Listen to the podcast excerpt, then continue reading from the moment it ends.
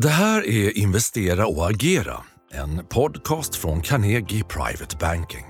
Vi skriver onsdag 19 april. Klockan är 13.00 när vi spelar in och Stockholmsbörsen har rest sig efter bankturbulensen i mars och vi är nu i en säsong där både nyhetsläget och marknadsläget kommer präglas av börsbolagens kvartalsrapporter, Q1. -orna.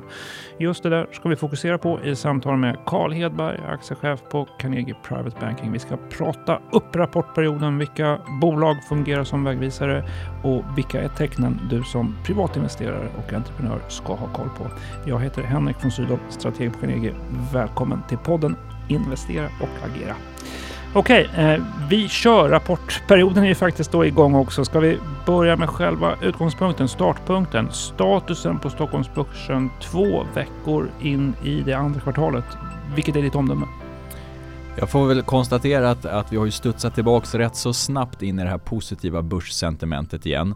Vi hade ju en väldigt stark start på det här året, gick in i en något lugnare fart men eh, det var ändå en tydlig fortsatt stigande trend. Men sen kom den här bankosäkerheten då med starten med ett par amerikanska banker som hamnade i fokus. Eh, och det spred sig därefter vidare till Europa då och eh, Credit Suisse i synnerhet. Men det där har ju nu eh, efter några veckor faktiskt lagt sig och jag tycker att väldigt många investerare har lagt det här bakom sig så att vi får väl se om vi kan göra det fullt ut eller om det kommer dyka upp någonting nytt i, i spåren av det här. Då. Men det ser inte riktigt ut som att den här liksom värsta paniken kommer realiseras utan i takt med att tiden går så tycker jag nog att det talar mer och mer för att det här är en isolerad händelse. Mm, studsat in i det positiva börssentimentet säger du. Du sitter ju verkligen mitt i marknaden. Du talar varje dag med investerare som ringer in till vårt aktiebord. Hur skulle du beskriva humöret hos investerare just nu? Men tillbaks till, till ett positivt humör överlag skulle jag säga. Sen är det lite skillnad faktiskt. Privatinvesterare och institutionella investerare ser på det här lite olika. Väldigt många privatinvesterare märker ju av det här då att det har blivit en tydligare kostnadsinflation. Man märker att bostadsräntor är betydligt högre. Man märker att elräkningarna har varit högre under vintern. Och då tänker man så här, det här måste ju slå hårdare på börsen. Medan man då kanske mer mot institutionella investerare får en bild av att man tittar lite grann utanför bara den svenska marknaden och eh, man märker också att de inte riktigt eh, som ser på det lita, lika personligt och lika, lika sådär kopplat till den egna plånboken. Eh, så att lite mer balanserad bild där. Mm. Men eh, ändå, ändå en eh, liksom, positiv eh, inställning skulle jag säga. Så att man märker, man blir väl återigen lite grann trygg i den här eh, känslan av att det kommer rekyler på börsen men marknaden studsar tillbaks. Sen får vi se om det kommer fortsätta vara så Eh, för, för gott eller om vi kommer ha en, liksom en lugnare utveckling i spåren av en förväntad lågkonjunktur. Men just nu så är det tillbaka i det här positiva mm. läget. Mm. Och eh, om vi skulle lyfta oss på en aggregerad nivå, vilka besked i bolagsrapporterna tycker du är särskilt relevanta för investerare att fästa blicken på? Jag skulle säga att det är väl framförallt två saker. Det är ju då dels vinstmarginalerna. Har man lyckats hålla uppe vinstnivåerna nu här? Har man haft svårare att föra över de kostnadsökningarna som man har fått på sig? Eh, och har man också fortsatt en god efterfrågesituation. Jag tror väl egentligen att så här, det här kvartalet som har passerat har nog inte varit det stora problemet utan det blir nog lite grann att försöka tyda eh, signalerna om de kommande kvartalen här. Märker bolagen av någon form av avmattning här än så länge? Givetvis är ju konsumentrelaterat lite speciellt här eh, men om vi tittar på övriga bolag så är det ju fortfarande en väldigt god situation då att efterfrågan ser ut att ha hållit upp väldigt väl. Mm. Vi startade året med det som då kallas för årets största makroevent sannolikt, att Kina igen då öppnade upp sin ekonomi. 1,4 miljarder kineser som revanschshoppar. Industri och hamnar öppnas positivt för leveranskedjor och komponentförsörjning och så vidare. Eh, sätter det här spår i rapporterna nu? Vilken roll spelar Kina-faktorn för, för svenska börsbolagens Q1-rapporter? Jag tror inte att det får fullt så stor, stor påverkan på det här eh, Q1-resultatperioden. Eh, Eh, jag tror att det har varit lite för kort tid för att det ska ge en tydlig effekt. Det finns ju statistik som visar på att aktiviteten i Kina har kommit igång ganska väl. Eh, men det har inte blivit någon tydlig effekt om man tittar på olika typer av, av basmetaller eller eh, pappersmassa till exempel. Sånt där som, som historiskt sett brukar kunna visa ganska god indikation.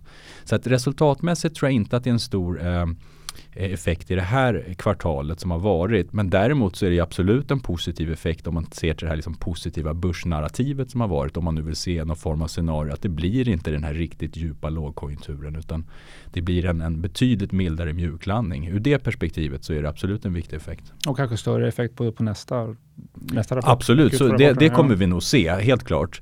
Eh, dock ska man då vara medveten om att under den perioden när det var stora nedstängningar i Kina så vart det aldrig riktigt den här stora negativa resultateffekten på bolagen när det gäller vinstförväntningar.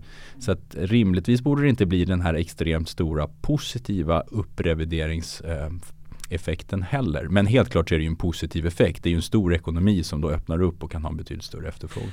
Eh, du, vi hade också, när vi tittade på Q4-rapporten i början på året så sa Mark Zuckerberg, eh, Meta pratade om att eh, det var i januari då att 2023 kommer vara the year of efficiencies.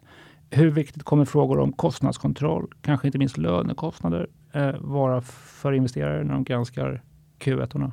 Det kommer vara en viktig effekt det här att hålla utkik efter och det kommer vara viktigt för bolag att vara eh, snabba på det här och att då säkerställa att man själv har en möjlighet att, att motverka en potentiellt lägre efterfrågan framöver. Alltså att man ändå kan hålla uppe vinstnivåer. Så det är väl det som har överraskat lite grann om man tittar tillbaks ett halvår tillbaks i tiden när man förväntade sig en lite djup lågkonjunktur och att vi då inte har sett mer effekt då ur ett negativt perspektiv för företagen.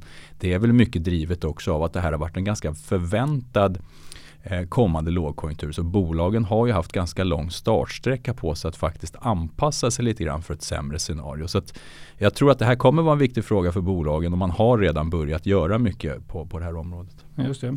Du pratade tidigare om det här positiva börssentimentet som råder i starten på rapportsäsongen. Eh, det som bidrog till det var ju dels Volvos omvända vinstvarning, H&M som också stack ut på ett positivt sätt förra veckan. Det där leder ju in på frågeställningen om vi tar Volvo då som exempel. Kan, kan, eh, tror du att svensk verkstad kan fortsätta att trotsa konjunkturen? Kommer vi se det lyftet som vi såg hos Volvo hos andra verkstadsbolag? Ja, jag tror att vi kommer kunna se det på fler håll men kanske inte så att det blir en så bred effekt att vi kommer se det rakt över hela linjen. Det här i, med Volvos fall, nu var ju även deras konkurrent Traton ute med lite liknande effekter. Det är ju en tydligare effekt hos de här bolagen som har haft mycket problem med komponentbrist, man har haft produktionsstörningar och haft höga kostnader när man behövt få tag i komponenter som, som, som behövde komma fram i tid för att upprätthålla leveranser. Där har man ju sett då de mest positiva effekterna. Så jag tror kanske inte fullt lika tydligt men, men det är helt klart så att, att det här kvartalet har nog varit betydligt bättre än, om, än, än man ser mot förväntningarna om man bara backar tillbaka ett, två kvartal. Mm. Vi har första verkstadsrapporten på fredag. Sandvik kommer 21 april, ABB sen 25 april, SKF 27. Tre, tung, tre tungviktare. Ja, nej men absolut. Det, det kommer vara mycket fokus på de här bolagen och eh, utöver det så skulle jag också säga att nästa veckas bankrapporter kommer också tilldra sig ett mm. stort fokus. Vi ska snacka om bankerna. Först också bara lite fokus, eh, eh, en, en kommentar, en fråga just på det som har varit en sektor som har stått i fokus under första kvartalet. Förstås fastighetssektorn, givet det högre ränteläge, givet räntebindningar som successivt nu löper ut. Eh, samtidigt ser vi också så att säga, nya hyror eh, efter inflationsindexering. Eh, är det momentum nu i den här rapportsäsongen att vi går mot en ny vår för fastighetsbolagen? Ja, både ja och nej. Jag skulle säga så här, vi har ju pratat mycket tidigare om att stockpicking är viktigare och kanske än mer viktigare än någonsin och det gäller verkligen i fastighetssektorn också. Men till att börja med skulle jag säga, jag tror att det är för tidigt att vara positiv till hela fastighetssektorn. Men det finns givetvis eh, bolag i sektorn som är mer intressanta än andra och jag tycker en stor skillnad det är att man får titta på vilken verksamhet de har. Bolag som har då framförallt inriktning mot bostadsfastigheter, de har ju ett betydligt tuffare läge att ta höjd för de här kostnadsökningarna och högre räntekostnader. Så att det är väl de som ser minst intressanta ut. Men sen är det också då den här finansieringsfrågan. Fastighetsbolag som har stora obligationslån som ska omfinansieras. Den osäkerheten lever ju kvar i allra högsta grad. Så att eh, titta på bolag som inte har den problematiken är ju en klar fördel skulle jag säga. Just det. Och här har vi bolagsrapporter till exempel 26 april Castellum ut, SBB 28 april och Sagax får vi vänta på till, till 9 maj. Du, ska vi kolla på konsumentsektorn också med, med lite olika förutsättningar. Eh, pressade hushåll har ju förstås varit ett tema vi talat en hel del om. Eh, finns det några tecken nu tror du på att konsumentbolagen börjar se botten? Jag tror egentligen inte att resultatmässigt att vi kommer att ha sett botten eller få någon signal om att, att vi har nått den här vändningen än så länge. Däremot så skulle jag mycket väl kunna tänka mig att aktiekursmässigt så finns det nog eh, potential att en hel del av de här bolagen börjar närma sina bottnar eller eh, kanske rent av redan har träffat dem. Eh, så att jag, det jag skulle hålla utkik för här lite grann det är ju egentligen så positiva reaktioner aktiekursmässigt på nyheter då, eller resultat som kanske egentligen inte är fantastiska. Man ser man ändå att aktierna levererar eh, bra på det här eller klarar sig väl. Då skulle jag mycket väl kunna tycka att det kan vara läge att bli mer positiv till de där. Mm, spännande. Vi ska också kommentera bankaktierna. Eh, det var ju ett stort intresse för bankaktierna under första kvartalet fram till debaclet då med Silicon Valley Bank och sen Credit Suisse. Eh, vad, vad, säger du nu? Kommer, kommer svenska storbanker att leverera lugnande besked i rapporterna och kommer svenska banker tillbaka nu? Ja, jag tror så här, resultatmässigt i rapporterna så tror jag inte att det kommer vara något problem för de svenska bankerna. Som alla, alla grundläggande faktorer eh, är ju på plats på samma sätt som det var när det var, var fullt positivt fokus på bankerna. Så att eh, jag skulle snarare säga att eh, givet eh, osäkerheten som har varit så tror jag att det faktiskt kommer lugna lite grann när man ser att det kommer komma in bra resultat från de svenska bankerna. Just det. Och här är det ju två datum som är viktiga. 26 april, det är nästa vecka. Det. Då har vi både SEB och Handelsbanken. Sen 27 april eh, rapporterar Nordea och Swedbank. Efter denna orientering, eh, om vi ska ta ner det för landning. Hur tycker du att privata investerare som sitter med torrt krut och kapital färdigt att investera, eh, hur ska de agera med aktieplaceringar på Stockholmsbörsen? Är det investera före eller efter rapporterna som gäller här nu? Jag skulle nog säga, givet den starka återhämtningen som vi har haft här, låt säga de senaste tre veckorna. Vi är tillbaka på nivåer där, där OMX30-indexet är upp nästan 10% sedan årsskiftet. Amerikanska S&P är väl upp dryga 8% Så att det har varit en väldigt stark återhämtning här. Det tror jag begränsar potentialen lite grann. Jag tror att det är svårt att se ett scenario där rapporterna är så pass mycket bättre än förväntat att det lyfter börsen kraftigt ytterligare.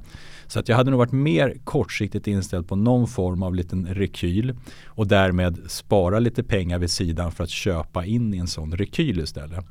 Eh, men som sagt återigen, det är selektivitet som gäller och jag tycker det finns eh, eh, framförallt en sektor som är intressant då inför rapport och det är just bank som vi nämnde här tidigare. Där tror jag det finns en positiv effekt för att det har inte hänt någonting egentligen negativt kring den underliggande verksamheten. Just det, intressant. Köp bank då kanske före rapportdagarna men var lite försiktig och avvaktande med övriga sektorer. Ja, det skulle jag säga. Utmärkt. Tack Karl för samtalet. Tack också till dig som har lyssnat på samtalet. Vi påminner eh, förstås gärna om att fortsätta ta del av vårt flöde av marknadskommentarer och unika investeringsmöjligheter. Allra enklast och allra bäst gör det som kund. Eh, gör du det i vår Private Banking-app och i Carnegie Online där du följer utvecklingen på dina tillgångar och också gör din nästa investering. Nästa Investera och agera, det släpper vi om en vecka, torsdag 27 april. Välkommen lyssna då också. Tack för idag.